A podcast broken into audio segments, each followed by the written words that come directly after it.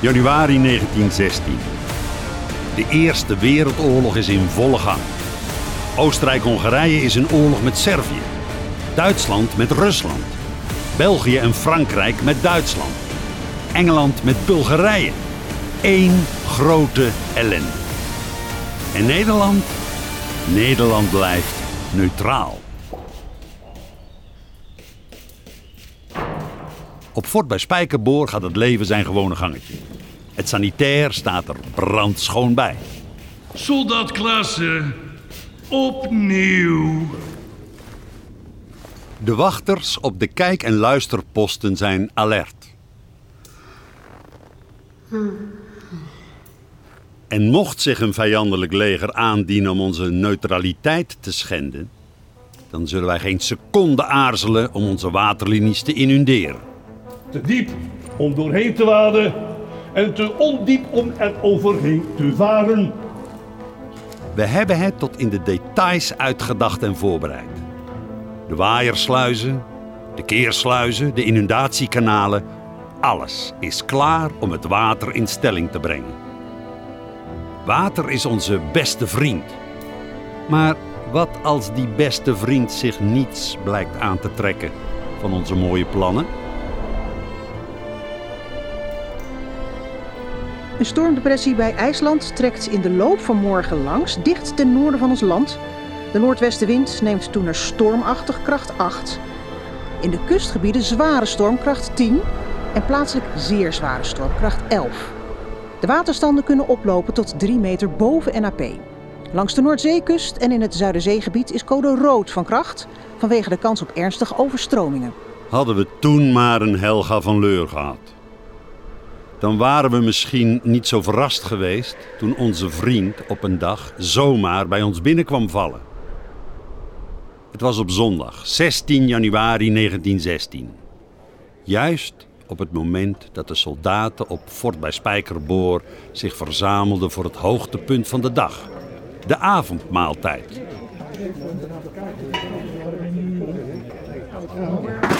Rijstkug en bonen, jongens. Geen uh, rats vandaag, uh, Kokkie? Klaassen, het is zondag. Oh ja! Rijstkug en bonen. Ja la la la la, ja la. Mannen! Mannen, het spijt mij dat ik u in uw feestmaal moet storen. Maar ik breng ernstig nieuws. Het is dan toch zover gekomen. De vijand heeft zijn begeerig oog op ons vaderland laten vallen. Laat uw vorken en lepels rusten. Grijpt schoppen, jassen, laarzen en nachtlampen. Wij zullen onze huid duur verkopen. Wat krijgen we nou? Laten we toch niet met de rug zitten? Mars! Daar gaan ze. Een lange nachtelijke kolonne trekt over de doorweekte dijken. Na een kwartier zijn de soldaten verkleumd tot op het bot. Maar ze zijn vastberaden. Zeg verdonk. Waar zit die vijand dan eigenlijk? Het kalf. Wat? Het kalf bij Zaandam. Door de stormvloed zijn overal de dijken doorgebroken, Klaassen. Het is een ramp. Heel Waterland staat blank. Tientallen doden. Wij moeten zorgen dat de dijk bij het kalf het niet ook nog begeeft. Maar ik snap het niet. Wij zouden het land toch expres onder water laten lopen? Dat was toch het geniale idee? En nou gebeurt het per ongeluk. En nou is het opeens een ramp. Dan was het expres toch ook een ramp? Ja, Dat weet ik ook wel, maar niet zo gauw. Nu eerst naar het kalf. En wat als het kalf al verdronken is dan?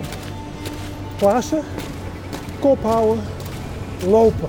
Oh, Voort gaat de mars. Langs Wormerveer, Zaandijk en de Koog. Vier uren duurt de helse tocht. En dan, aangekomen bij het kalf, begint het werk pas echt.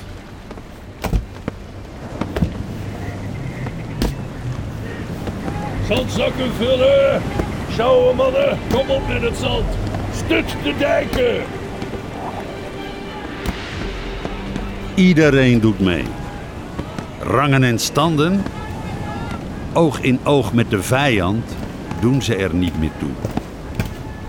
Hier, pak aan. De dijk gaat het redden, sergeant.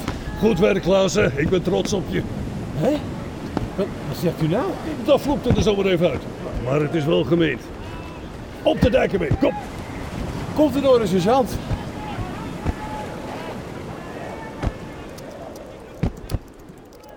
Zo werd het kalf gered. Na twintig uur keihard werken in de kou, de storm en de regen.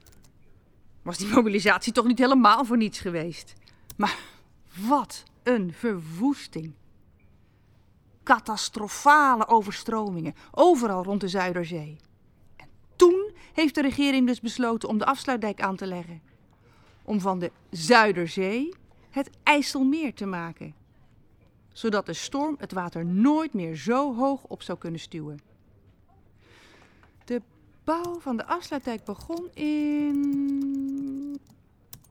1927. Dus elf jaar na de watersnood. Oh, En negen jaar na het einde van de Eerste Wereldoorlog. Nou, dan had die Klaas in elk geval ook weer wat te doen. Lieve ma, ik ben nu in Zurich. Ook alweer zo gek, ma. Ik dacht altijd dat is in Zwitserland. Maar het ligt gewoon in Friesland. Nu, ook ver weg hoor. De nieuwe zeedijk wordt steeds hoger en langer. Het is hard werken hoor, ma. Op het fort was het ook hard, maar niet zo hard. Ik woon hier in een houten keet met twintig kerels. Ze zijn allemaal minstens zo sterk als ome Piet. De allersterkste is mijn vriend. De anderen noemen hem de piemel met de kromme poten. Ik weet ook niet waarom. Weet u het maar? Nu, geeft niks hoor. Zolang hij mijn maat maar is. Als de anderen iets doen wat hem niet zint, slaat hij zo een kop door midden. Fijn hè ma, zo'n trouwe kameraad. Dus u begrijpt, u hoeft over mij geen zorgen te hebben. Gisteren liep er een heer over de dijk om het werk te inspecteren. Mijn vriend zei, dat is ingenieur Lely. Die heeft de afsluitdijk bedacht. Ze zeggen dat hij heel de Zuiderzee gaat inpolderen. Ja, u leest het goed. We gaan land veroveren. Niet op Duitsland of Frankrijk, maar op het water. Dat we daar nooit meer last van zullen hebben, ma. Na alles wat er is gebeurd. Denkt u zich eens in. Een hele zee wordt land. Kunnen ze dat land misschien ook weer gaan inunderen? Zouden ze dat doen, ma? Nu, ik sluit af hoor. Een dikke zoen. Ook voor Sjaan en de kinderen. Uw liefhebbende zoon, Jacob. Klaassen. Mara, Gerard, wist jij dat de afsluitdijk er is gekomen dankzij de storm van 1916? Toen is ingenieur Lely ermee begonnen met het plan om die dijk aan te leggen. nou, dat plan lag er al lang hoor, volgens mij. Alleen ze zijn het pas gaan uitvoeren toen het eigenlijk al te laat was. Zo is het altijd gegaan.